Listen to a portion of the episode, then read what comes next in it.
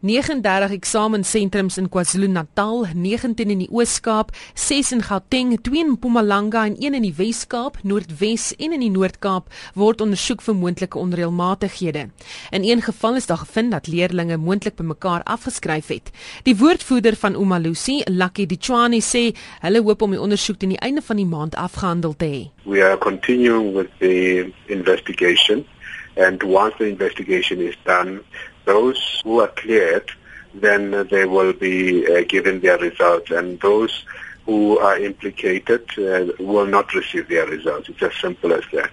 Hy sê hulle is bewus dat hierdie ondersoek moontlik leerders wat by tersiêre instansies wil registreer kan kniehalter, maar daar's geen ander uitweg nie. Well, unfortunately because the centers have been implicated, you know, we've got to do what needs to be done and that is to withhold the results for now until uh, the investigation uh, would have been completed.